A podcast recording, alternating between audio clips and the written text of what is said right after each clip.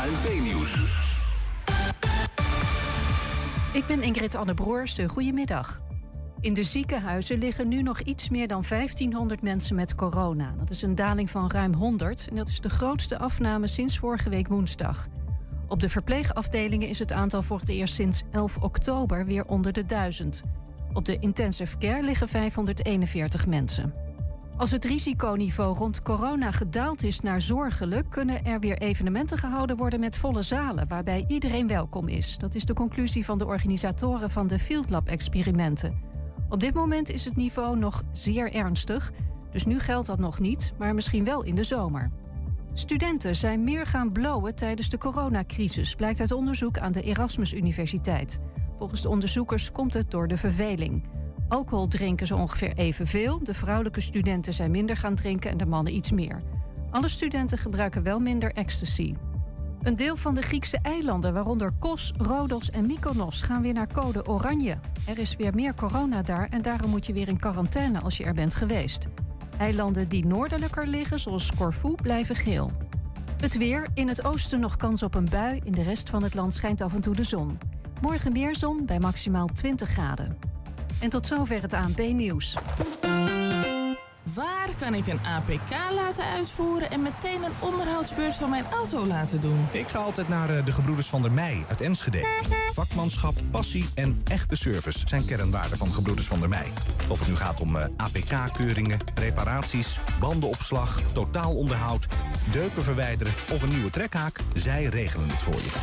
Gebroeders van der Mei vind je aan de Lonnekerbrugstraat 80 in Enschede. 120. Weet wat er speelt in Twente. Iedere dag praten we hierbij over alles wat er in Twente gebeurt. Via radio, tv en online. 120. De voormalige Storkbibliotheek van Hengelo krijgt een nieuwe invulling en die is uniek voor Twente. En overal ter wereld kraken deze dagen studentenhersenen voor een probleem vanuit Enschede. Denktank Create Tomorrow is in volle gang. Een update over uh, de coronasituatie in Twente. En een nieuwe editie van het Twents kwartier. Het is donderdag 27 mei. En het is fijn om terug te zijn. Dit is 120 vandaag. Ja, je werd ook gemist, Niels. Echt? Ik heb anders gehoord. Ja, klopt. Van mij ook toevallig, of niet? nee, fijn om weer dat je weer terug bent, ja, ja, ja, Niels. Achter de schermen hele andere dingen zeggen. hou even op. We beginnen met een uh, deceptie voor theatergroep Kamak in Hengelo. De theatergroep voor mensen met een uh, verstandelijke beperking... had volgend jaar dolgraag willen verhuizen... naar de voormalige Biep aan de Vondelstraat in Hengelo. Maar het is uh, ze letterlijk en figuurlijk niet gegund. Gisteravond werd duidelijk dat het gebouw naar een andere partij gaat. Straks spreken we met die winnaar. Maar eerst zien of ze bij Kamak goede verliezers zijn. Aan de telefoon is bestuurslid Jeroen Boensma. Jeroen, goedemiddag. Goedemiddag, hallo. Ja, je was uh, dinsdag samen met zakelijk leider Annie Tettero en acteur Patrick ten Arve te gast in de talkshow Hengelo Spel. We vroegen toen wat het zou kunnen betekenen, of wat het zou betekenen voor jullie wanneer je niet zou winnen. En even, even een kleine terugblik, dit werd er toen uh, door jullie gezegd. Ja, dan horen wij alleen nog net niks. Maar er zal denk ik vast wel iemand uh, zeer fanatiek aan het werk zijn om het uh, te regelen. Uh, we hebben geen geluid. Ah, nu wel. Kunnen we het even nog één keer vanaf het begin doen? dan gaan wij met frisse tegenzin verder naar een, aan een nieuw plan werken. Annie? Ja. ja, dat is drama. Ja? Ja, dat is Ja, is, ja, Ja, dat serieus, gaat, In zak eh, en as? het is ja, serieus wel absoluut. een drama. Maar, Ja, eh, dat is echt een drama. En Dat ook de zijn- acteurs, zijn die ook al meegenomen in het hele proces? Ja, Ja, van gedeelte. ja. Ja, zij, ja, ze weten dat, ze, eh, dat we weg moeten Ja. volgend jaar. Ja. En naar een ander onderkomen. Dus ja, de, die, spanning is daar ook eh, eh, zeker aanwezig. Ja, Jeroen, eh, de- de- gisteravond werd het dus duidelijk. Jullie worden het niet. Eh, is, is het inmiddels al een beetje ingedaald, dat nieuws? Ja, het nieuws is eh, ja, zeker ingedaald. Hè. Eh, je weet dat in eh, zo'n procedure weet je ook dat er eh, er staat dat het, eh, dat die niet gegund wordt. Ehm, ja, het is echt een deceptie wel. Het is echt een teleurstelling. Maar, Ja. ja. Is het, is het, de, is het de, de, jullie, jullie, jullie mensen, de acteurs met een verstandelijke beperking, is het hen ook al meegedeeld en hebben ze gereageerd? Ja, die, eh, ja, die hebben het eh, vanochtend eh meegedeeld gekregen. Ehm, ja, die waren echt best wel heftig eh ontdaan. Eh, ik ben zelf onderweg, uh, ben zelf niet bij aanwezig geweest, mag ik zo zeggen. Maar Nee. de, uh, ik even een filmpje hadden ze netjes gemaakt en uh, ze hebben uh, Cor, onze voorzitter en ikzelf die, eh, die de karretrekkers zijn geweest zeg maar, in de procedure. Ehm, hebben ze nog eh, ja, echt even een leuke boodschap ingesproken en, eh, cadeautje voor ons gemaakt. Om ons toch een uh, letterlijk en figuurlijk een hart onder de riem te steken. Mhm. En dat is, dat is wel heel mooi om te zien. Maar ja, ze waren echt, eh, echt, echt, echt, ja, teleurgesteld. Ja, ze, Ehm, ze zagen het al voor zich. eh, Ja. Ja, ze zagen het voor zich en eh, het is vooral de onzekerheid eh, die, eh, ja, die dan meespeelt. Ja, want de- ik bedoel, er, er, er- staat wel eh, wat op het spel. En jullie gaan niet per se weg omdat je een mooie pand zoekt of zo. Maar je, je moet uit, het, eh, uit de huidige, huidige locatie, het Dikkerscomplex in Hart van Zuid. Ehm, Ja. eh, eh, er waren vijf ehm, ja, optanten, mensen die, of partijen die, die, eh, die, die Biep graag wilden hebben als, als plek. Eh, uiteindelijk heeft projectontwikkelaar Van Wijnen gewonnen. Ze gaan daar nou ja, wel bijzondere soort van, begrijpen wij, appartementen van maken. Gaan we zo meteen horen. Maar jij hebt zelf eerder gezegd van eh, ja, appartementen kun je overal bouwen. Wat, wat vind je eigenlijk van, die, van dit resultaat? Ja, dat, dat, eh, ja erg jammer, want eh, het, pa- het pand had ons, eh, paste ons zo goed dat, ja, dat, dat- ja, ik had al ergens al vermeld, het was bijna eng. Zo goed als het paste. Ehm, Ja. Dus, en ja, in mijn optiek ja, kun je appartementen kun je wel, kun je overal eigenlijk wel creëren. Ehm, daar, en, en het, onderkomen zoals eh, Kamak zoekt, ehm, ja, daar was dit wel echt wel een unieke mogelijkheid.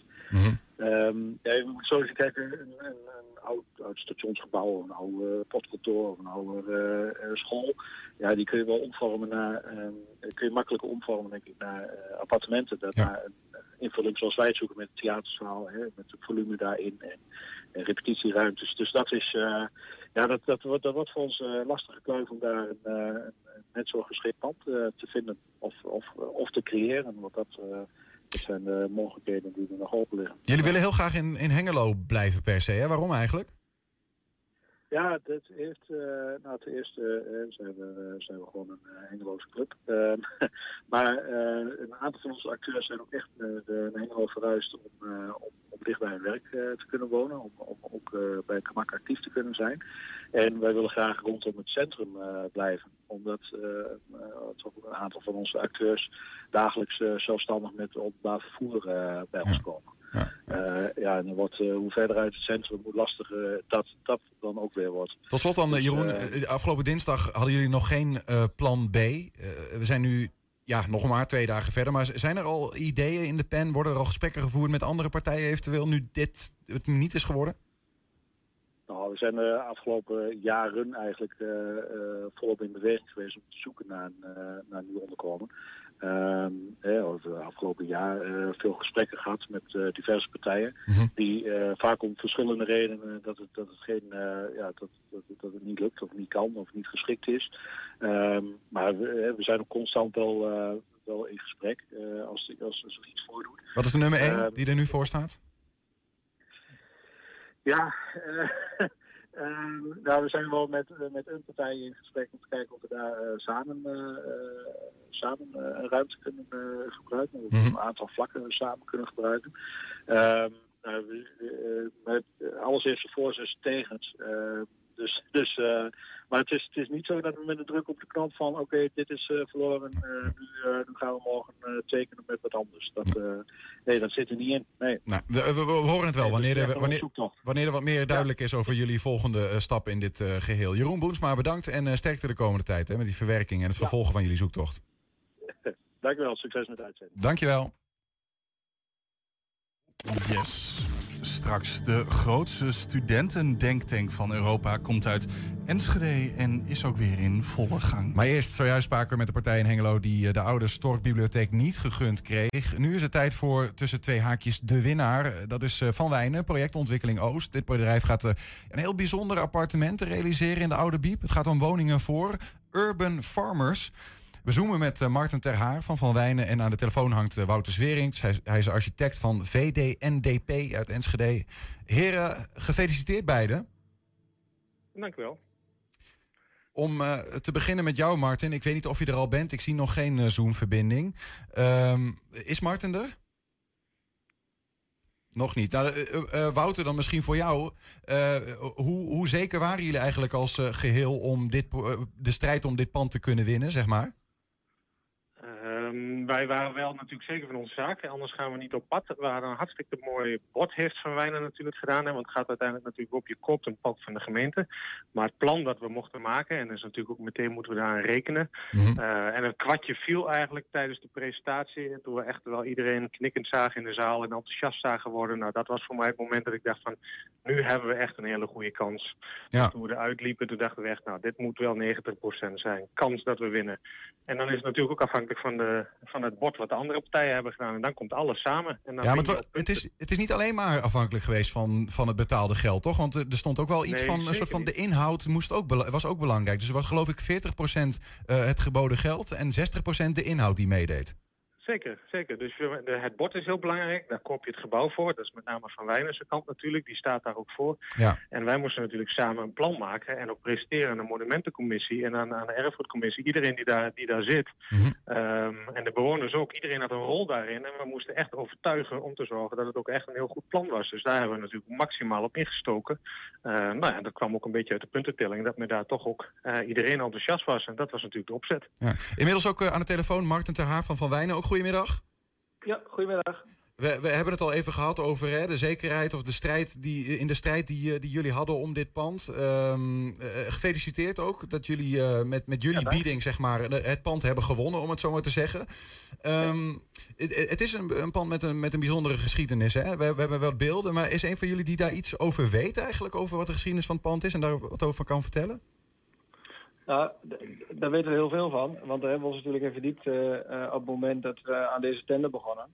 Ehm, en wat we gedaan hebben is gekeken van hè, wat, wat is nu, eh, want als je in het gebouw rondloopt, dan zie je dat het niet meer nieuw is. Maar, maar je ziet ook wat voor prachtig gebouw het in basis is. En we liepen daar rond. We hebben ons verdiept in de historie. We zagen de beelden van vroeger. En toen hebben wij eigenlijk gezegd met elkaar van dit gebouw verdient gewoon een frisse start. Dit moeten we weer het, het unieke en prachtige gebouw maken wat het ooit is geweest. Mhm. Eh, nou ja, dan ga je terug in de tijd en eh, het verhaal van de eerste open boekerij van Nederland. Eh, vernieuwend, innovatief destijds. Nou, en, en daar is eigenlijk de basis gelegd voor, voor ons concept en voor ons plan. Ja, en toch- Toch, toch ik, heb, ik heb wat begrepen dat we hebben ook wat artist impressions. En misschien kan eh, de architect daar iets over, over vertellen. Ehm, een soort van dwarsdoorsnede ook. Maar dat het nog wel een en ander eh, wordt veranderd aan dit toch wel ja, eh, karakteristieke gebouw, toch? Nou, in basis blijft de buitenkant helemaal hetzelfde. Eh, het gebouw is 100 jaar geleden circa zeg maar, bedacht door die architect Beut om nog even aan te vullen. Zeg maar, dat was een beroemde architect die ook Mhm. veel aan tuindalk heeft gewerkt. En voor de familie Stork dit eigenlijk heeft gemaakt. En, en aan het plan zelf, aan de buitenkant, daar veranderen we eigenlijk, eh, eigenlijk niks. Daar willen we eigenlijk juist historische elementen weer terugbrengen. Want in de loop der tijd ja, is, er wat, eh, is er wat glorie verloren gegaan. En dan proberen we de elementen, de, de, de vlaggenmasten komen weer terug, de, de hekjes komen terug. En we proberen dat juist in glorie te herstellen. En eigenlijk komt er aan de binnenkant, is het zo ontworpen dat er een soort binnenpakketje in komt die geen afbreuk doet aan de binnenkant, maar eigenlijk zorgt dat hij het gebouw verrijkt. Dus het moet eigenlijk de bedoeling zijn dat het 1 plus 1 is 3 is. En dat we alle architectonische elementen van vroeger die er nog zijn, Ja. dat, we, dat we eigenlijk niks daarvan de voordeur verlaat. Maar dat die eigenlijk allemaal weer terugkomen in het gebouw of bij- bij de bewoners. Of, dus dus ehm, we passen eigenlijk vrij weinig aan. Dat is ook zeg maar de, het idee van het plan. En de Mhm. enige grote aanpassing die echt opvalt, dat is natuurlijk eh, de kas die je ook op de impressies ziet in Ja. de dwarsdoorsnede. Die steekt dwars door het dak. En daar zat vroeger ook een van de grote daklichten, eh, die eigenlijk die hal, wat vroeger waar alle boekenkasten stonden, dat is zeg maar het middengebied. Daar kon je een boek uitkiezen. En aan de zijkanten zaten de leeszalen waar je dan eigenlijk je boeken kon lezen. Eh, in alle rust zoals dat vroeger ging. Ehm, en daar op die plek aan de zijkanten komen juist de woningen. Dus wij eerbiedigen eigenlijk de constructies zoals die bedacht is. En Juist, we gebruiken ja. eigenlijk die hal om daar echt weer een soort monumentale hal van te maken en die te accentueren met een En- architectonisch element. Die, die kas die heeft ook een, eh, nou ja, eh, bijzondere, dat is een bijzonder element in, in, in deze constructie. En dat heeft ook alles te maken met die inhoud. Hè. Ooit was het van 1930 tot 1986 eh, eh, fabrieksbibliotheek van Stork in de eerste plaats. Dan gemeentelijke biep. Daarna is het nog een hele tijd gemeentearchief geweest. Maar nu wordt het een plek waar urban farmers gaan wonen. Martin, wat, wat zijn dat voor mensen? Nou, eh, urban farmers, dat zijn de mensen die er komen wonen, dat zijn de mensen die wij, we noemen dat hippe stads. Dat, zijn, dat zijn mensen die zijn bewust, die, zijn, die houden van duurzaamheid, die houden van delen. En eh, dat zijn natuurlijk, je, je kan je voorstellen als je in zo'n concept gaat worden. Dus dan gaat het niet alleen om het appartement wat je hebt, maar het gaat ook om het gedeelte wat je in dat middengebied doet. En daar sluit die doelgroep heel erg op aan. ja, en dat zijn mensen die, die houden ook van groen, maar ook van de stad. En dat is natuurlijk een lastige combinatie. en die leg je dan in een urban farm. Dus op het dak van zo'n gebouw, midden in, gebied, maak je een tuin. Dus, dus eh, ik, ik zie voor me, want er komen volgens mij acht appartementen. En voor de rest is het allemaal uh, tuin en kas. Nee, de, je moet het zo zien. Het middengebied is natuurlijk een, een, binnenkant en een dak. En in de binnenkant komt de ontmoetingsplek, er komen de werkplekken. En daar, daar, daar ligt ook de, de bodem van de kas. En via die kas kan je eigenlijk op het dak komen. En in het kas heb je dan het groen. En op het dak heb je het groen. Dus da, dat is de urban farm eigenlijk. De kas en het dak. En kippen en geiten? En, uh... Zo, uh, komen die er ook nog? nou ja, wat lastig denk ik. Ja, ja, ja. En er is ook nog een derde partij bij betrokken, hè? met de wonderlijke naam de Ideeënjagers. Wat, wat is hun rol eigenlijk geweest bij de totstandkoming van dit idee? Ja, de Ideeënjagers, dat zijn, uh, zij noemen zichzelf een creatieve denktank. En uh, nou ja, dat zijn, zij hebben eigenlijk het hele concept, daar hebben zij de basis van gelegd. Dus wij zeiden eigenlijk met elkaar van nou het, het moet, we willen hier iets unieks, iets, iets vooruitstrevends, passend bij het gebouw. Nou ja, als je iets unieks wil hebben, dan moet je creatieve mensen aanhaken. En uh, dat zijn de ideeënjagers. En zij hebben met ons gepraat, met de buurt gepraat. Uh, en goed nagedacht en allerlei creatieve sessies gehouden. Mm -hmm. En daar komt dan zo'n concept uit. Ja, ja. Tot slot dan, uh, Wouter, als architect, wat, wat doe je dan eigenlijk? Wat is eigenlijk het uitgangspunt uh, als je zo'n inrichting maakt? Heb, heb je zoiets van, nou, ik heb een pand en wat kunnen we daarmee? Of gaat het echt wel uit vanuit het idee Urban Farmers? Nou, het is een combinatie. Dus er komen heel veel ingrediënten in de soep. En uiteindelijk ontstaat eigenlijk de verbinding tussen die allemaal. En, en komt het begrip urban farming ook op tafel. Het gaat niet zozeer om de urban farmers. Misschien is niet iedereen een urban farmer. Dat, dat is, het is het collectief die het doet. Hè? Misschien komt er ook wel een ondernemer in die dat wil doen. Uh, het is meer een, een collectieve bewustzijn van al die mensen. En dat we eigenlijk de dak ook gaan gebruiken en in gaan zetten om iets bijzonders te doen. Mm -hmm. Om daar gewassen en de fruit en groenten te kweken. Dat is de bedoeling. Um, en, en eigenlijk zeg maar de, het proces daar naartoe is dus eigenlijk een kruisbestuiving tussen al die mensen. Dus de, dus de ideeënjagers, maar ook de historie. De, de erfgoedcommissie heeft heel veel onderzoek gedaan naar het gebouw. En dat lees je dan en denk god, als je het allemaal bij elkaar brengt, er past een woning in. En woningen horen natuurlijk ook bij betaalbaarheid in de business case van, van Van Wijnen. Dus ja, eigenlijk komen er best wel veel ja. ja. in korte tijd. Dus de één grote brainstorm en dan krijg je het aha-moment en dan denk je, dit is het, daar kunnen we echt wat mee. Dat is het voor ja, Hengelo. Ja. Martin, wanneer, wanneer, gaat het, uh, wanneer gaan de mensen erin trekken? Wanneer, is dit, uh, wanneer zien we dit echt in werking? nou, ik verwacht dat dat, dat gaat zeker nog een goed jaar duren, want we hebben nog een bestemmingsplanprocedure te doorlopen en ja, die, die kosten nu eenmaal tijd. Mm -hmm. dus dat zal, nog, dat zal denk ik nog zeker een jaar gaan duren. Nou, we gaan het afwachten. Veel succes met de, de volgende stappen. Martin Terhaar van, uh, van Wijnen en Wouter Zwering van VDNDP Architecten. Bedankt voor de toelichting. Ja, Dankjewel. Tot ziens hoor. Succes met de uitzending. Doeg.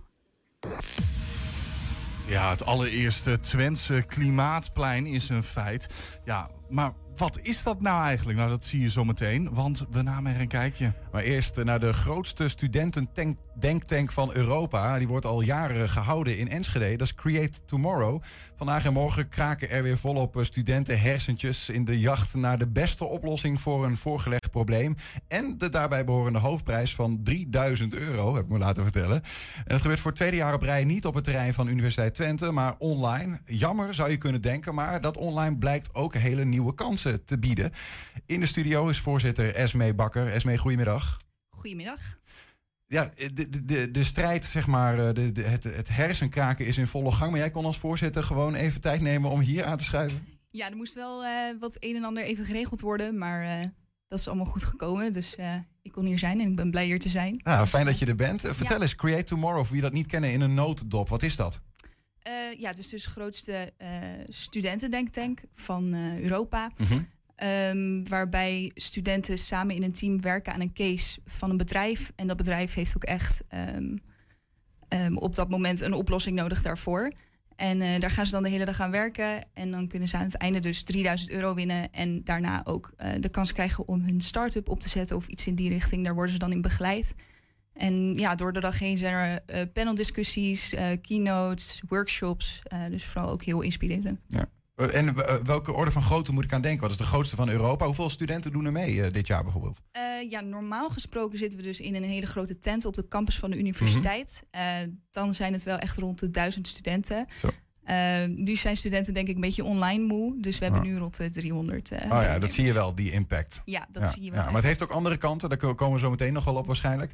Um, je zegt eigenlijk van ja, oké, okay, bedrijven, organisaties komen met problemen. En die worden eigenlijk voorgelegd aan kleine groepjes studenten. Zo stel ik me dat voor. Ja. En die gaan er dan over nadenken. Klopt. Ja. kun je eens voorbeelden noemen van een case die bijvoorbeeld dit jaar is voorgelegd aan de studenten? Um, ja, dat kan. Bijvoorbeeld één bedrijf die heeft. Die ontwikkeld eigenlijk um, frisdrank gemaakt van residu van uh, cacaobonen. Dus echt heel innovatief eigenlijk. En ze zijn nu aan het kijken van welke andere residuen ze andere drankjes kunnen maken. En dat is dus een case waar een student bijvoorbeeld aan gaat werken. Oké, okay. en hoe, hoe moet je daar dan, zeg maar, hoe, ga, hoe doen ze dat dan? Zeg maar, ik kan me voorstellen, als ik dat, die vraag zou krijgen, zou ik denken, uh, eerst even googlen wat een residu eigenlijk is. Ja. En dan even kijken van, ja, waar, waar hebben we het eigenlijk over? Ja, dus ze krijgen natuurlijk ook nog een document met de case zelf, uh, waarin het echt nog dieper wordt uitgelegd. Dit is nu een beetje uh, algemeen. Ja. Um, en ook uh, is, de, is het bedrijf altijd beschikbaar om vragen te stellen. Dus als ze iets niet begrijpen of meer informatie over willen, dan is, is het bedrijf altijd daar. Mm -hmm. Maar het zou dus kunnen dat je bijvoorbeeld als student psychologie een hele sociale studie doet, maar dat je de vraag die je krijgt heel technisch is, bijvoorbeeld. Ja, we hebben wel vier verschillende thema's. Um, die uh, allemaal verschillende dingen aansnijden, zoals connected healthcare, uh, energy transition, um, uh, dat soort thema's. Dus is bijvoorbeeld wel iets uit de gezondheidszorg, maar ook weer meer iets uit de technische hoek. Dus Mhm. eigenlijk voor, voor alle disciplines iets. En ik denk ook het leuke aan Create Tomorrow is dat je in één team echt verschillende disciplines hebt. Dus vanuit andere disciplines kijken mensen weer anders naar een probleem toe. En ik denk dat je zo ook tot iets heel moois kan komen. Ja. Zelf wel eens meegedaan? Ik heb zelf nog nooit meegedaan. Nee, dat is ook wel gek dan, of ja, niet? Eigenlijk wel. Uh, ik uh, wilde wel uh, graag meedoen, maar ik kreeg toen niet genoeg animo vanuit mijn vrienden om ook mee te doen. Om een groepje te vormen, want ja. zo werkt dat dan. Ja, ja, een groepje vormen. Maar dus leuk om er dit jaar dan met je neus wel bovenop te zitten? Ja, ja. Is dat een fulltime ding trouwens, jouw voorzitterschap? Of hoe moet ik dat zo zien? Normaal gesproken is het fulltime, maar dit jaar is het parttime. Dus hierna studeer ik nog. We hebben een aantal, een aantal foto's van, van, van deze editie. Vertel, vertel ons eens, hoe gaat het eigenlijk tot nu toe?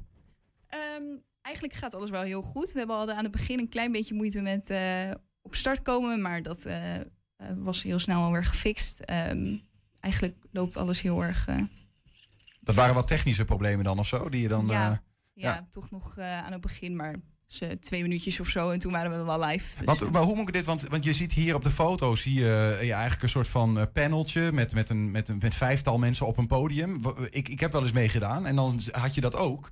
Ja. Um, maar dan had je gewoon uh, um, een podium en dan inderdaad die duizend studenten die al in de zaal zaten. Ja. Hoe moet ik me dat nu eigenlijk, hoe zit dat in elkaar nu, nu het online is? Um, ja, we hebben dit jaar ook voor het eerst twee dagen. Dus op de tweede dag morgen hebben we echt de studentendenktank. Mm -hmm. En op deze dag hebben we eigenlijk paneldiscussies en wat inspirerende uh, um, sprekers die langskomen.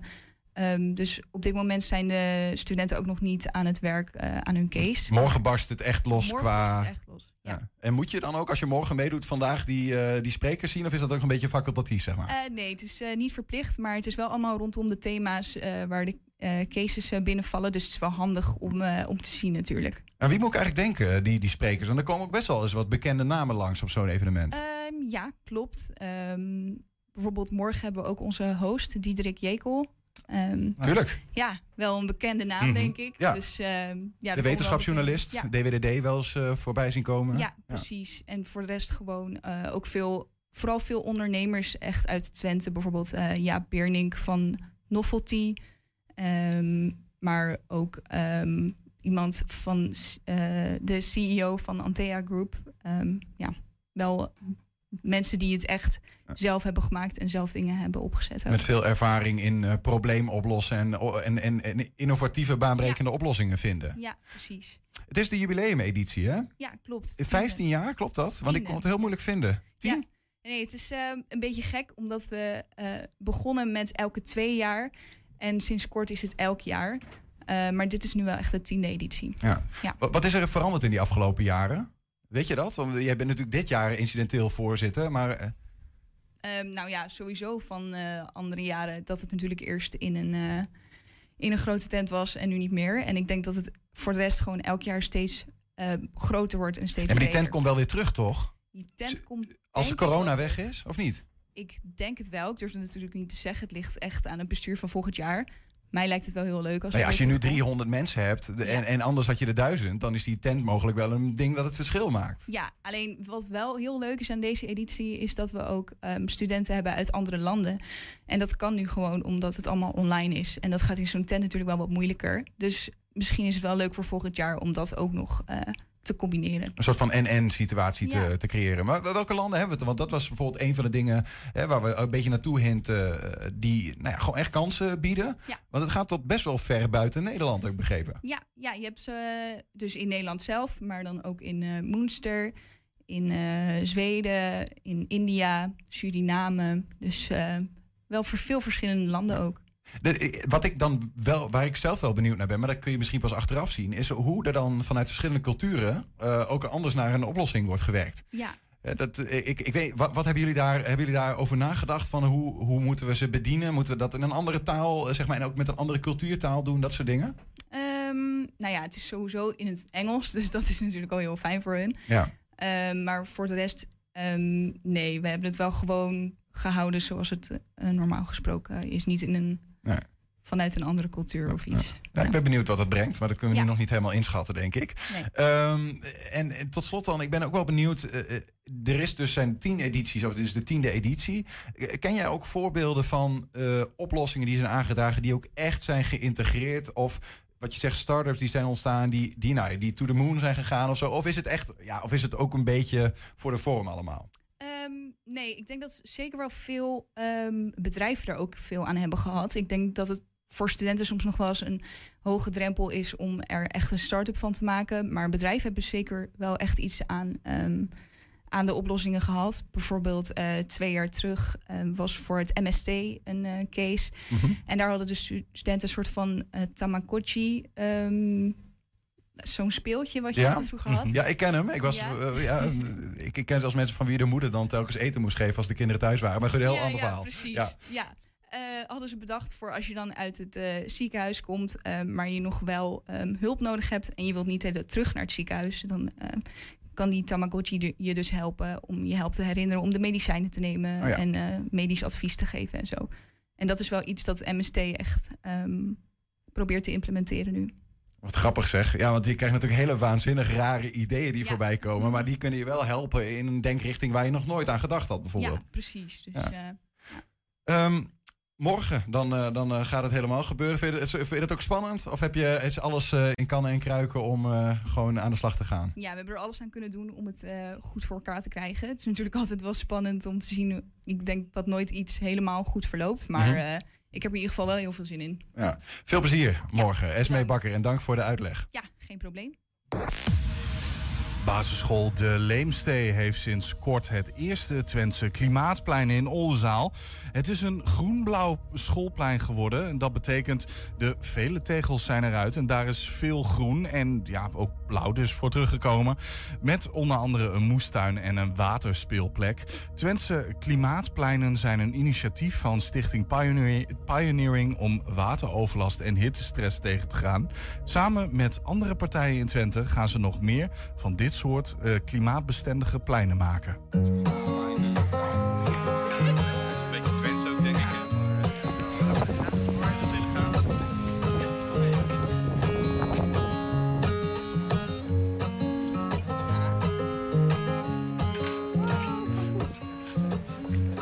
We zijn hier omdat hier een prachtig plein is aangelegd. De stenen zijn er eigenlijk uitgegaan. En het is een heel mooi natuurlijk spelenplein geworden. Het eerste groene schoolplein voor Oldenzaal. We, hadden, uh, we hadden eigenlijk alleen maar tegel en, uh, en het enige groen wat erin zat was laurier. En dat hebben we eigenlijk verwijderd, het laurier. En dat is, komt een complete nieuwe haag wat, wat gemengd is. Dus ook voor de biodiversiteit. Er is een, komt een moestuin in, dus er is een klimgedeelte ingekomen met allemaal natuurlijk spelen. Er is een amfitheater bijgekomen. Uh, heel veel groen. Dat, dat is natuurlijk uh, heel veel tegel eruit, maar ook heel veel groen terug. Een uh, waterspeelplek bij de, bij de kleutergedeelte. Het, de, de moestuin is gekomen bij het kinderopvang, zodat die ook in de, de BSO's de vakantie het kunnen doen. En, ja, en een doorgang naar het park. We zitten natuurlijk aan een prachtig park wat afgescheiden was met een hek en een hele grote haag. En dat is nu een, een complete doorgang geworden. Dus die gaan, we, gaan we ook gebruik van maken. Dus het is één groot verlenging geworden van het park. We zien dat er veel meer droogte is. En we hebben ook ja, meer last van wateroverlast op het moment dat er flinke buien vallen. En stenen nemen dat niet op, dus dan heb je toch echt groen nodig.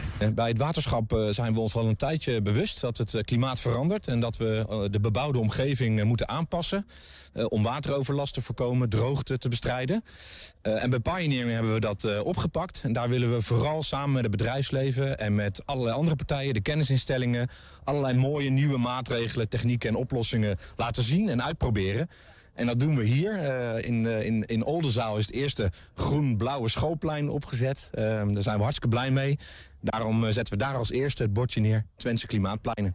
En wij zijn blij als gemeente om te kunnen helpen. met wat kennis, met wat advies, met een kleine subsidie. En ehm, ja, dan zie je hier een, een prachtig resultaat. En ik hoop met vijf jaar dat alle schoolpleinen in Oldenzaal erachteraan zijn gekomen.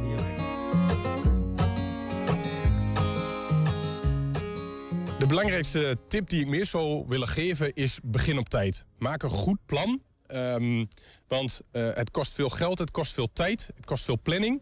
Um, maar de goede voorbeelden zijn er. Dus je kunt gewoon gaan kijken, je kunt je laten inspireren. Maar begin op tijd. Ja, uh, zorg dat je iedereen goed meeneemt. Van, uh, van leerlingen tot leerkrachten tot iedereen die in je gebouw mee zeg maar onderdeel is van, van, van het schoolplein die ermee te maken heeft. De buurt. Zorg dat iedereen goed meegaat. zorg voor een lange adem, want het, het, gaat wel om een stukje financiën wat je moet regelen. En de subsidies zijn er wel, maar kost, kost tijd. Dus kost tijd en een lange adem. En uiteindelijk ja, met, met veel enthousiasme en een goed plan. Dan moet je gewoon doorzetten. Mooi initiatief. Ja, mooi hè Niels? Je hebt een T-Stacks nu, uh, Ah, mijn, uh, mijn ja. Ja, uh, straks zie je een nieuw Twents kwartierken. En ik heb helemaal geen tekst, dus nee, klopt. nee ja, dit is echt jouw schuld. Ik ben huis. Ja. ja. Nee, we gaan namelijk iets anders doen. We hebben, het is donderdag en we, we hebben dus weer een, een, een, update vanuit Veiligheidsregio Twente en de GGD over de coronasituatie in onze regio. En daarbij was opnieuw onze collega De Burk, Ernst Bergboer. Welkom. hey Niels, leuk dat jij er weer zit, joh. Ja, ja, ja, nee, ik doe het graag om jouw plek even waar te nemen. Totdat ik weer op vakantie ben. hey, vertel. Je, ik, ik, volgens mij vooral echt positieve geluiden, hè? Ja, ja de, de, de, vorige week was er al een, een kleine daling in Twente zichtbaar. Maar die uh, heeft zich flink uh, voortgezet. Het is echt een sterke daling. Dus uh, de daling van het aantal besmettingen, de daling van het aantal inwoners. Ja, maar ook echt met 30 procent ongeveer hè, ten opzichte van vorige week, ja, begreep min ik. 35 procent aantal nieuwe besmettingen, zeg maar. die wordt geregistreerd. en dan min 14 eh, procent. Nou ja, de, de, het gaat echt om forse, forse en, en ook wat, wat forser nog dan de landelijke daling. Nou is het wel zo dat, tenminste, dat zei Samantha die GGD-directrice. Um, dat we van ver komen. Dus dat we nog niet, we horen nog steeds tot de top drie van regio's waar de meeste besmettingen zijn, mhm. zeg maar. Maar de daling is ingezet en zet zich stevig voort. Dus dat is goed nieuws. waar schrijven zij dat nou aan toe? Zijn het echt puur die vaccinaties? Of is dat diezelfde daling die we vorig jaar eigenlijk ook zagen rond deze tijd van het jaar? Heeft dat iets met de tijd van het jaar te maken? Nee, of zo? Ze, ze schrijven dat toch wel vooral toe aan, uh, aan, aan uh, de toenemende vaccinatiegraad, zoals dat dan zo mooi mhm. wordt genoemd. Maar het aantal vaccinaties, dat, uh, dat, dat tempo, dat fors tempo nu zijn alle, alle locaties zijn ook beschikbaar. Um, ik geloof per volgende week ook het Janssen-vaccin. Dus het, zeg maar, de hoeveelheid beschikbare vaccine, uh, vaccins zijn niet meer een groot probleem. Dus ze kunnen full-blown uh, gaan vaccineren. En dat, ja, dat is toch wel een belangrijke reden voor waarschijnlijk voor, voor het groot aantal dalen. Of de, de, de, stijve, steile daling. Ja. Er werd wel een opmerking bij gemaakt van let op, als je één prik hebt gehad dan ben je nog niet uh, veilig. Dus hou je aan de regels. Tenzij je twee, twee prikken hebt gehad. En, uh, of, of corona en één prik, hè, die combinatie kan ook. Maar, maar dan, uh, ja goed, dan, dan zou je beveiligd zijn voor besmettingen. Maar is dat niet het geval, dan hou je vooral nog even aan alle regels. Ja. Basisregels. Even van mijn beeld, hoeveel, hoe groot is het, uh, het deel gevaccineerde Twentenaren nu eigenlijk? Er zijn nu 231.000 Twentenaren gevaccineerd op een bevolking van 650. Dat is een derde ongeveer. Dus dat is fors. 77.000 van die groep zijn uh, dubbel gevaccineerd. Die hebben al twee prikken gehad. Wauw. Dus dat, nou ja, dat, dat begint uh, significant te worden. Hè? En, en, een derde deel van je totale bevolking is natuurlijk fors. Merken ze dat dan ook in, in bijvoorbeeld de ziekenhuizen, gewoon de zorg? Ja, de, de ziekenhuizen hebben daar altijd wat achterna. Uh, dat was dus in de, in de hele pandemie en die hele periode zo geweest dat als er een daling zichtbaar werd, dan werd die na een week of twee pas voelbaar uh, in de zorg. Uh, met name in de ziekenhuizen. Dus dat is nu ook het geval. Het is wel zo, dus de, de, de, de, de bezetting is nog steeds hoog in de ziekenhuizen. Druk is er nog steeds op de ketel. Ja. Maar het is stabiel hoog. Dus het stijgt niet meer. Nee. Het neemt ook nog niet heel erg af. De verwachting is dat dat ook nog wel even gaat duren. Ja, maar als ik je zo hoor, denk ik wel dat we langzaam toch wel echt steeds verdere daling gaan zien. Als het. Maar ja, dat is misschien ook weer koffiedik kijken. Wie weet komt er keer weer iets nieuws. Ik bedoel, ja. ik las net nog uh, op, op het NOS dat ook, ook de jongen alles zijn op groen voor nieuwe, voor nieuwe versoepelingen. Ja, ja. Dus het lijkt erop dat die daling nu toch echt definitief heeft ingezet en ook zal aanhouden. Lekker, heerlijk. Ja, Zomer. fijn. Dankjewel Ernst. Graag gedaan. Straks wel een nieuw uh, Twents kwartierken, zoals mijn tekst hier staat, uh, Niels. Sorry. Ja, ja, maakt ook niet uit. Uh, nee, dat, dat had ik door. Oh. Um, we gaan eerst een verjaardag vieren. Althans, vieren. Ik denk voor veel bedrijven was het meer de geboorte van een hoofdpijndossier. Dat is de Algemene Verordening Gegevensbescherming. Eergisteren was het namelijk precies drie jaar geleden dat die AVG, zoals veel mensen hem kennen, of GDPR in het Engels, van toepassing eh, werd. Anders gezegd, vanaf 25 mei 2018 geldt in de hele Europese Unie dezelfde privacywetgeving. Wat heeft dat eigenlijk opgeleverd? Dit is mijn uitspraak en daar moet u het mee doen. Rechtspraak met Damstee Advocaten. Bij ons in de studio is uh, Jesser Bayram. Jesser, goedemiddag. Ja, drie jaar geleden, uh, jij bent privacy-advocaat. Was dat voor jou zo'n moment, die invoering van... Waar, weet je nog waar je was, zo'n moment, of niet? Ja, en het was ook nog het begin van mijn carrière bij Damstee. Dus dat maakte het allemaal extra leuk. Ja. En uh, ja, we merkten toen al dat veel bedrijven er echt uh, mee bezig waren... maar eigenlijk niet heel goed wisten wat ze moesten doen. Dus toen was het allemaal een paniek opbellen van... hé, hey, wij moeten het allemaal nog last minute regelen. En kunnen jullie dat allemaal voor ons fixen? En jij moest maar weten hoe het allemaal werkte. Ja, ja. ja, in de AVG staan wel een aantal dingen die je dan als bedrijf geregeld moet hebben. Er moet een beleid zijn, je moet je informeren. De betrokkenen van wie je gegevens uh, verzamelt, moet je informeren.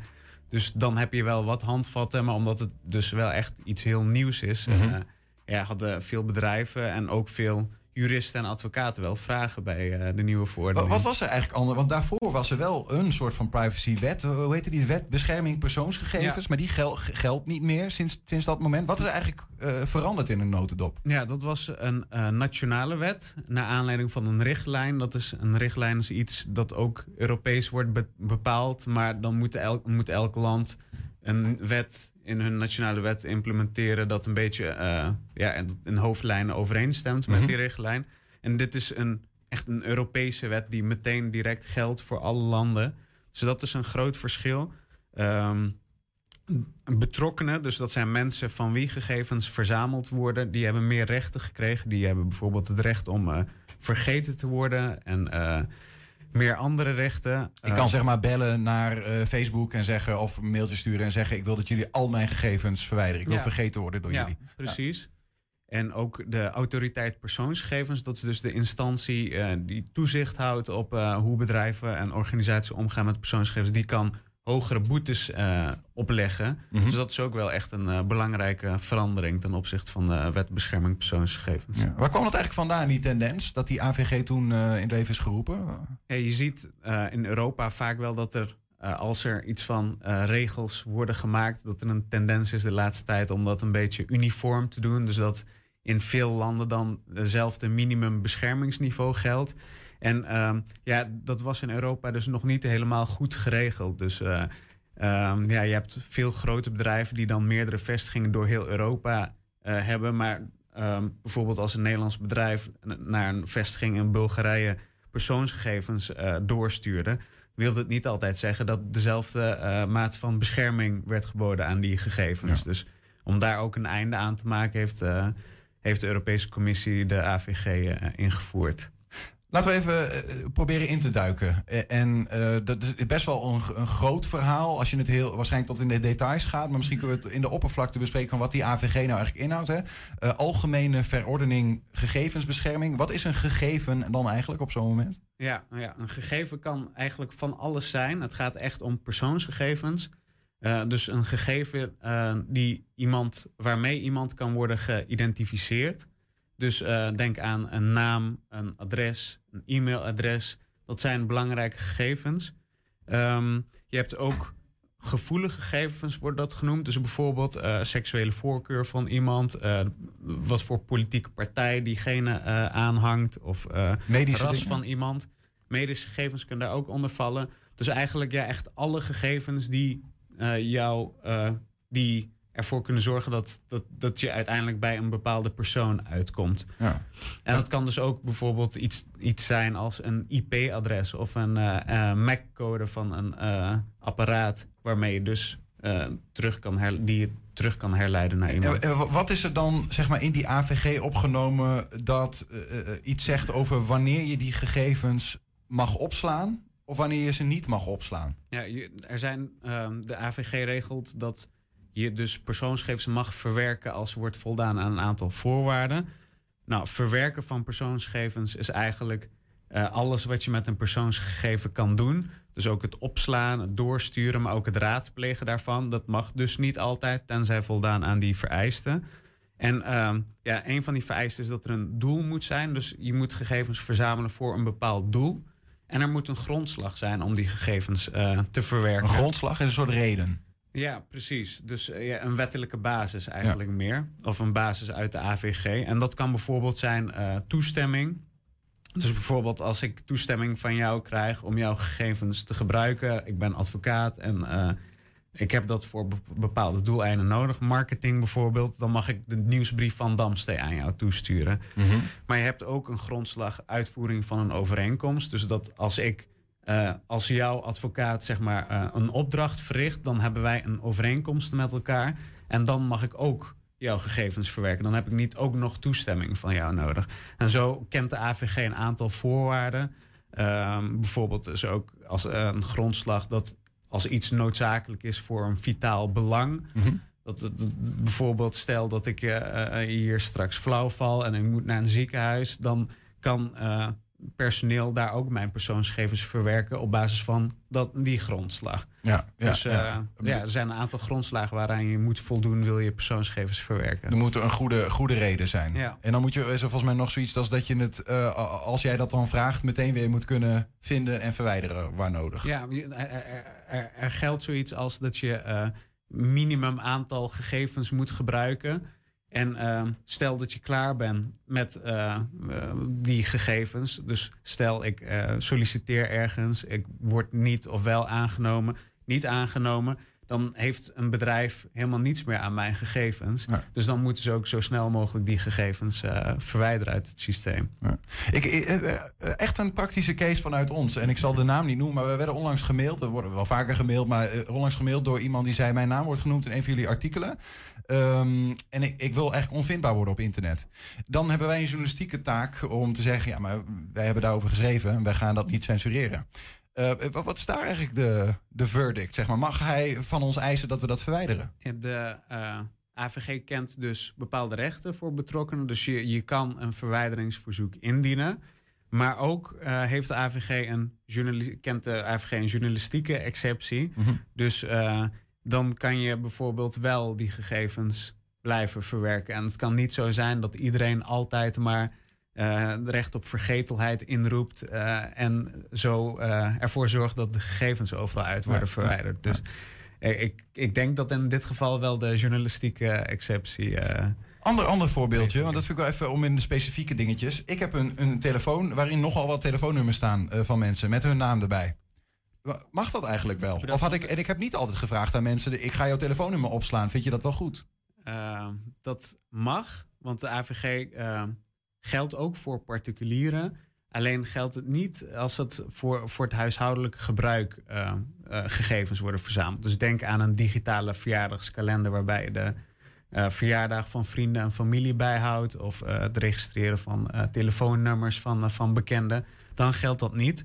Maar als je bijvoorbeeld um, ja, op, op Facebook ineens die kalender uploadt en openbaart, zodat allemaal andere mensen daar ook bij kunnen komen, ja. dan kan het best zijn dat je de AVG overtreedt, omdat je dat zonder toestemming doet. Het is ook best wel gekomen met uh, een soort van Wild West van uh, verhalen over ja, uh, mensen, volgens mij weten veel mensen nog steeds niet helemaal wat er nou wel en niet mag.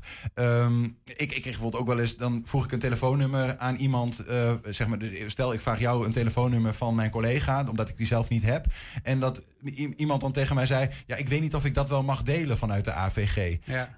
mag dat überhaupt? Um, dat zou wel mogen, ja. Omdat het ook echt in die huishoudelijke, sfeer, valt.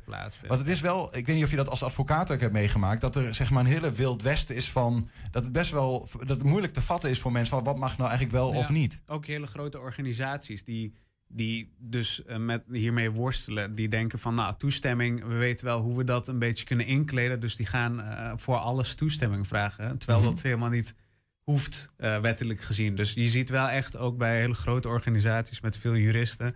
Dat, dat, dat ze ermee worstelen en niet precies weten uh, hoe ermee om te gaan. En dat komt ook een beetje omdat er geen rechtspraak voorafgaand was of zo. Het is echt iets nieuws. En ja, iedereen die doet iets. Ja. Uh, natuurlijk proberen zoveel mogelijk in lijn met de AVG van als ze nog wat te doen. Maar ja, die, soms heb je wat grijzere gebieden.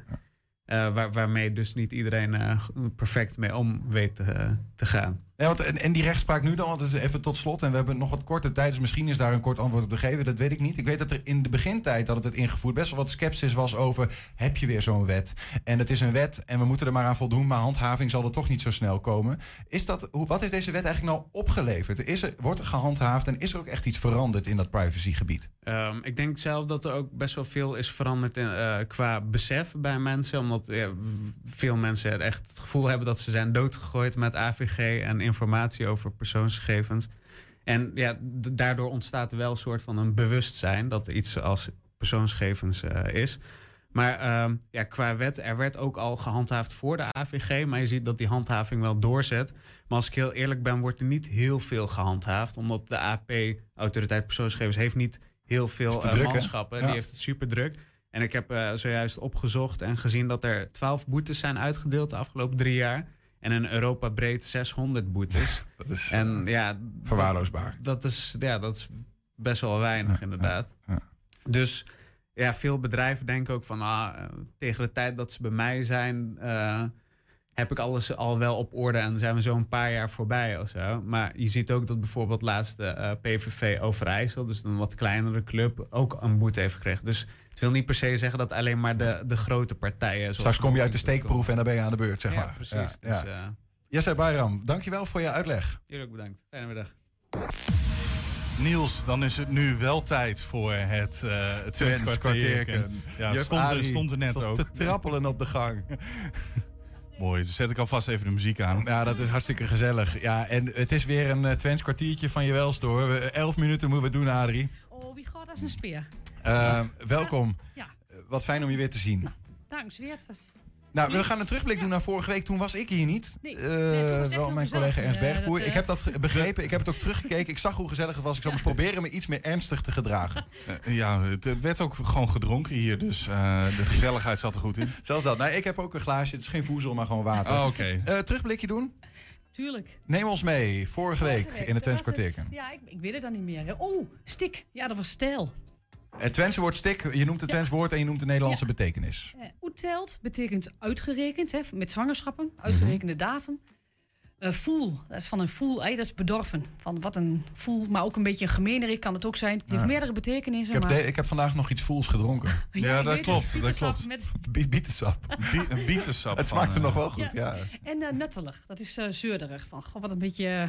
Beetje nettelig. Nettelig. Gewoon zeuren, Nettelig. Beetje netelig. Ja, ja denk ik dat daar vandaan komt. Ja. Thanks voor die terugblik. Ja. Dan uh, zijn we weer even opgescherpt. Zometeen uh, gaan we weer nieuwe woorden van je leren. Die hangen we dan op aan de video. En die video gaat dit keer over de, over de man die ooit dit pand als museum zou krijgen, maar nooit gekregen heeft. Nee. Jan Kramer. Ja. Edwin. ja, jullie bewaren echt uh, de wonderlijkste dingen in. ja. Ik zie hier een soort onogelijk reistasje. We hebben hier over de reistas van Jan Kremer. Ik, uh, reis, dit is de reistas van de Jan Kremer. Precies. Die op het pand zit waar wij werken, waar onze redactie ja, zit. Precies, van die motorfiets. Ja, de motorfiets. Ja. De rebel. Ja, precies. En dit is zijn reistas? Dit is zijn reistas. Met, met en al je, labels. En dat weet je zeker. Je bent niet genept ergens. Ehm, nou, ehm, Dat is echt al veel, ja. eh, zeg wij zijn er aangekomen. Hij heeft, op een gegeven moment heeft hij in 2013, ik denk zo'n zolder opgeruimd of zo. En heeft hij iets van duizend spullen gevonden. Op kunstwerken en zo. En, en geschriften. En die heeft hij bij een veiling aangeboden. Allemaal met keurmerk van Jan Kremer erbij. En eh, ik kreeg destijds van eh, onze directeur kreeg ik, eh, een budget. Een beetje beperkt, maar wel een budget. Om daar leuke dingetjes uit te zoeken. Ja. En nou, wat je hier voor je ziet, dat is de tas. Ja. Dus dit en, en, en dit. Hoe groot was je budget? Ehm, nou, het was ongeveer eh, 1500 euro. 1500 euro. Ja. ja. Ik zie het hier staan, Kramer. Ja. Het is hem echt, ja. Te gek zeg. Oké, en voor die 1500 euro heb jij onder andere, want ik Ja, zie nog meer liggen, maar deze reistas. Het was, eh, het was een veiling. Dus ik, Oh ja, dus- veiling, ja. dus- Je hebt dus- geboden. Dus ik heb, eh, ik heb meerdere dingetjes had ik op de oog. Eh, onder andere de Tukkerbode. Hè, dat is de eerste krant die hij eh, heeft uitgeschreven. Ehm, nou, die ging al heel snel pijlhoog eh, die, de lucht in. Ver buiten jouw Ver buiten mijn bereik. Zijn allereerste olieverfschilderij die hij op 13-jarige leeftijd maakte, die zat er ook tussen. Ook binnen kortste keren ging pad, boem, 4000, 5000 euro. Ja. Nou ja, het was uh, ging helaas eh, ja. pindakaas. Ja. Dus, maar dit bleef erover en ook nog erg moeite waard, denk ik. Het is, het is toch een leuk verhaal over Jan Kremer in Enschede. Ja, want hij heeft hier eh, van, vanaf wel- welke leeftijd hij heeft hier niet zo heel lang gewoond, hè? Nee, hij is in 1940 eh, eh, geboren. Dus in de, in, in, de oorlog. Ja. En eh, een hele moeilijke jeugd gehad. Maar ondertussen wel ontzettend creatief, al op jonge leeftijd. Ja. want ik heb hier bijvoorbeeld deze bordjes. Ik heb er hier drie. Ja, la- laat ze zien, want. Ja. Die heb je ook op diezelfde veiling, eh, dus uit de inboedel van, eh, van Ja. Jan Kramer. Ja, ja. Ja, die bovenste, dat is, gewoon, dat, is een, dat is gewoon een mooi stil leventje. Ja, ik vind het hartstikke Keramiek, mooi. ja. Die heeft dus 14 jaar leeftijd gemaakt. Dus. Ja. En, dit- en dit gewoon bij, bij, bij, een, bij een bedrijf laten maken, hè? bij Potten, bij Sekkel en kijken. Laten maken. Ja, ik mag hem niet vastpakken zonder handschoentjes. Ik zou wel willen. Maar ik hou me in. Jan Kramer, 1954. Ja. Sekkel en Hes, pottenbakkerij Enschede. Ziet, Dat is echt hier in Enschede gemaakt. hoor. En hij had de wens om naar de kunstacademie. Ik zie daar al Aki staan Ja, inderdaad. ja. Dat is een envelop van de Aki. Ja, ja, hij had de wens om naar de kunstacademie te gaan. Ik zie aan jouw ogen dat het niet gelukt is. Ja, Helemaal. ja, ja, ja. Nou, zijn reputatie was hem al vooruitgesneld. en ze wilden hem niet Zo hebben. Maar hij mocht wel de zaterdagmiddagcursus gaan doen. Dus ik heb hier ook een, een, brief, van, brief van de AKI eh, met, met, met een briefje erbij van de directeur van de, aan de leerlingen van eh, de eh, zaterdagmiddagcursus. Eh, in verband met de paasvakantie zal de eerstkomende les plaatsvinden op zaterdag 14 april aanstaande. Ah, dus hij wilde gewoon naar de fulltime Aki, maar dat, eh, dat, dat, leek, dat leek ze, zelfs bij de Aki werd werd was dat wat te Dat bond. wilden ze hem niet hebben. Hij is later wel in, in eh, Enschede en volgens mij Amsterdam wel naar de kunstacademie. Ja, dat heeft ja precies. Ja, maar wat dan wel aardig is, van, dit heeft hij ja, destijds gemaakt. Op die zaterdagschool bij de Op Aki. die zaterdagmiddagcursus van de AKI. Ja. Eh, dus hij heeft toch al... eh, is, eh, een Nou, een beetje Escheriaans bijna. Een lino, eh, een lino afdruk. Ook dit vind ik, ik vind het best mooi. Ja, vind ik ook. Ik ben het een beetje Ik eens. vind het ook mooier dan zijn latere werk. Ja, ik, ik wou het, ik durfde het bijna niet voor camera te zeggen, maar ik, het is, nou, dus er Ja. zitten dingen waar ik denk van, nou, daar had je best bij mogen blijven. 16 Maar ja, jaar leeftijd, hè? Dit. Ja, ik vind het mooi. Ja. Want ik vond dit, dit natuurlijk wat- leuk over zijn Enschedese periode. Hè? Ja. Dit heeft hij gewoon thuis Ja. gemaakt. Dit op, eh, Ja. eh, bij de cursus van Aki, dat zijn de eerste stappen toch op, op zo'n kunstgebied. Ja, wat je-. Wat je hier, hier ligt. Ja.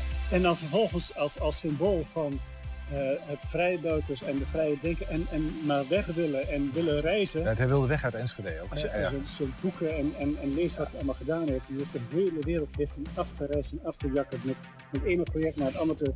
Ja, zou je kunnen zeggen onderschat?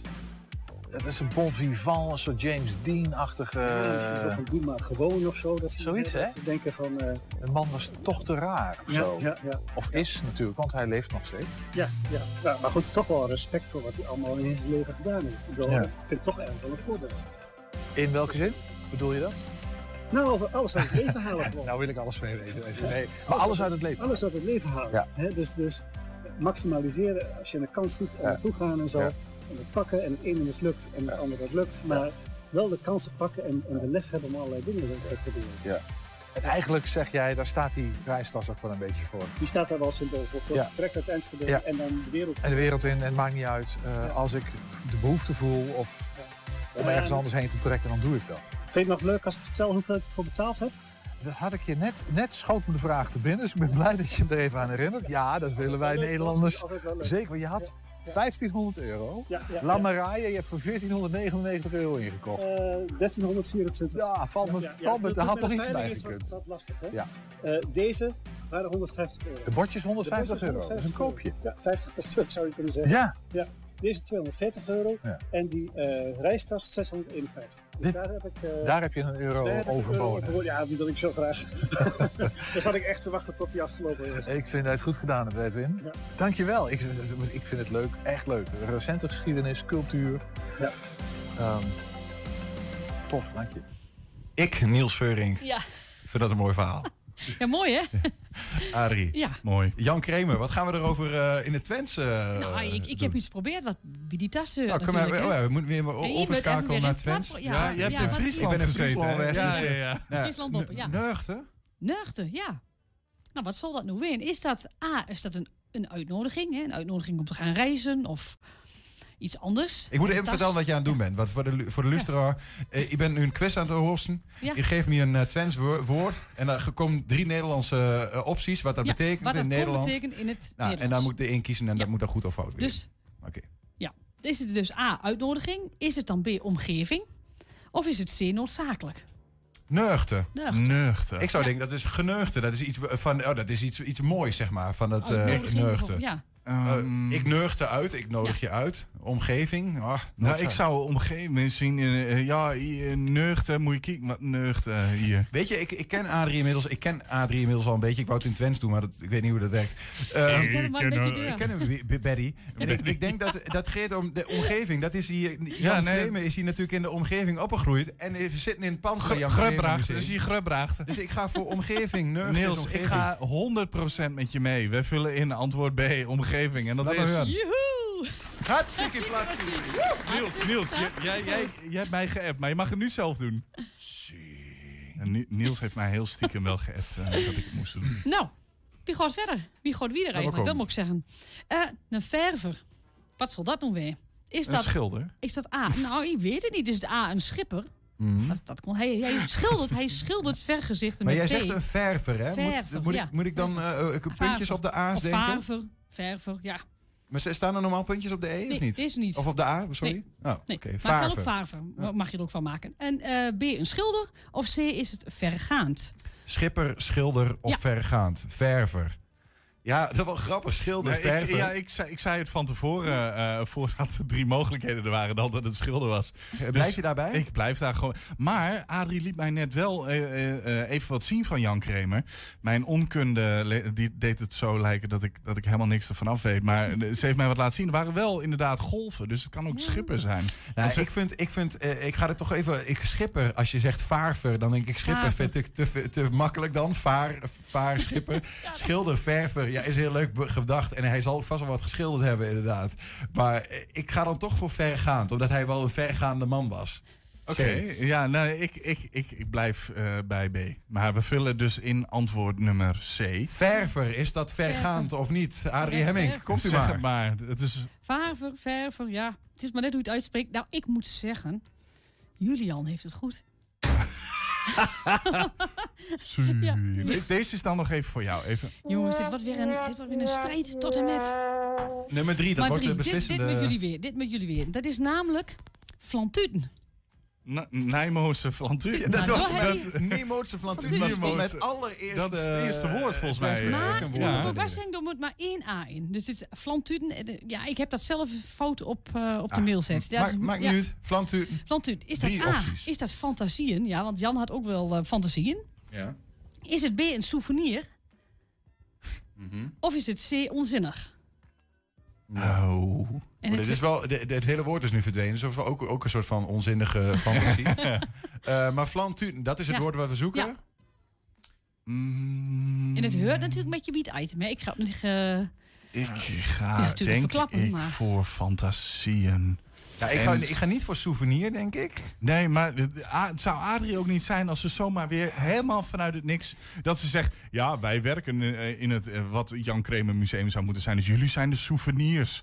Weet ik veel, zo een of andere rare beargumentatie ervoor. Nou, het gaat om de reisstad. flanturen zijn wel gewoon van, van ja, dat zijn weer Dingetjes. dingetjes, van die Ja. dingetjes. Ja, dingetjes. Ja, dus dan zou ik toch zeggen, eh, onzinnig ook wel. Maar dat hoort weer niet bij Jan Kramer. Nee. Dus eh, ik ga met jou mee. Ga, gaan, we, gaan we allebei voor Ja, maar, Nou, Oh, ja. ja, dat doe Oh, maar, fantasieën. oh, Ik oh. hoor het al, het is fout, het is fout. We kunnen nu nog wisselen. Oei, oei, Niels. oei. Oh, nee. nee. echt, ja, ik, ik, ik dacht nou, hij heeft een reisstad. Het is ook nog... Het, is, het bent souvenirs, want als je op reis gaat, neem je toch altijd iets met. Dan neem je iets met, kom je tussen, denk je, waarom heb ik dat nou kocht? Maar moest luisteren, Arie. Ja, Z- Flantuten is toch een meervoud, of niet? Eén flantuut, twee flantuten. Tuten, Ja, Daar moeten toch souvenirs staan? nou, souvenirs, oké. Half, half puntje vind Ik ik. heb wel een beetje de dingen laten link vandaag. Hè. Ik was niet helemaal En ik geconcentreerd. zeg het nog. We moeten door, we moeten door. We moeten door, want we Drie- hebben nog drie keer B. Ja. drie keer B. Ja. Nou ja, onthouden. Drie keer B is... Dit is eh, de burger, boergebeuren- burgerbeweging. Boerburgerbeweging. Boerburgerbeweging, die ja. Boerburgerbeweging. Hey, we hebben nog één woord te gaan. Eline ging de straat op met een woord eh, wat ik tot nu toe nog niet kende. Een nieuw Twents woord van de week. We gaan de straat op met het woord storknes. Het kan grote neus, speurneus of ooievaarsnets betekenen. Het is nu nog een beetje droog. Ik hoop dat het zo blijft. We gaan snel weg. Twentse woord storknes. Denkt u te weten wat dat betekent? Storknus, nee. Spreekt u zelf Twents? Ik wel, maar zover niet storknus. Storknoos, wat is dat? Is er nou geen, ik heb geen flauw idee. Geen idee. Spreekt u een woordje Twents? Klein beetje. Ik heb echt geen idee. Storknus. eh Grote neus, speurneus of ooievaarsnest? Oeh, lastig. Nee, ik zou het echt niet weten.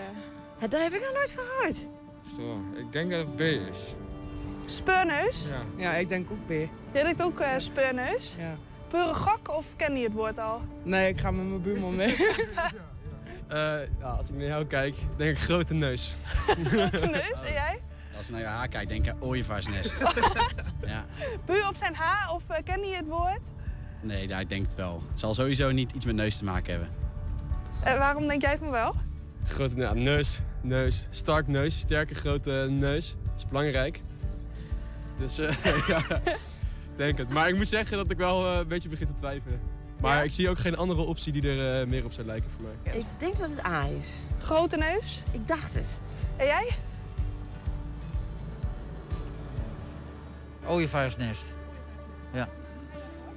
Maar ik, ik, ik kan het totaal niet thuisbrengen. Ik, ik, dus ik, het is een gok. Uh, grote neus, denk ik.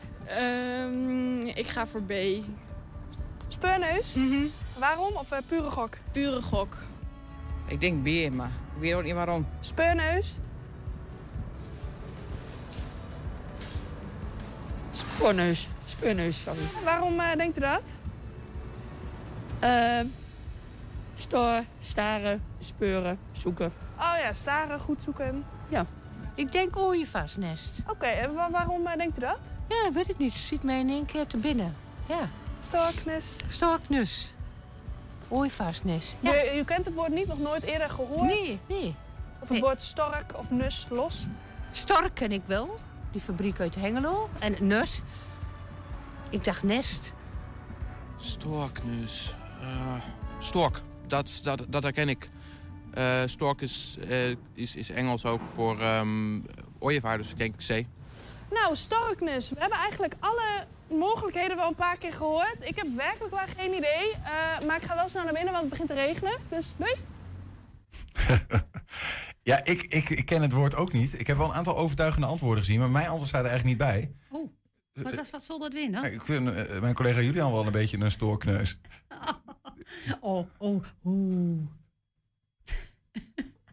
Dit, hier ben ik heel verdrietig van. Julian is echt een beetje dippig. Ja. ja. Ik ga voor antwoord B. Ooievaarsnest. Tijd voor voezel. ja, ja, wacht gelijk. Ja? Ja, natuurlijk. Is... Ja, een stork is een ooievaar in het Twents, maar ook in het Engels. En het logo van uh, Stork uit Hengelo was ook een, een ooievaar. Ah. En Storknus is, was zelfs een theatergezelschap van de fabriek Stork. Heeft heel lang op de planken gestaan. Het is het nest van de ooievaar. Storknus, en dat is die koppel-N zit er nog tussen. Van het nest van de ooievaar. Precies, ja. Ja. Nou ja, the more you know. Ja. Dit is echt iets waar je mee thuis kunt komen eh, vanavond. ja. Als je thuis komt, Ja. naar je werk, Jij komt thuis met blauw oog, jongen. Julian, die... eh, Adrie, dankjewel voor vandaag. Ja, en daarmee sluiten we 120 vandaag af. Terugkijken, dat kan direct via 120.nl. En vanavond om 8 en 10 uur zijn we ook op televisie te zien. Zometeen hier Henk Ketting met een gloednieuwe kettingreactie. Wij zeggen in ieder geval veel plezier en tot morgen. 120. Weet wat er speelt in Twente. Nu, het ANP-nieuws. Ik ben Ingrid Anne Broers. Goedemiddag. In de ziekenhuizen liggen nu nog iets meer dan 1500 mensen met corona.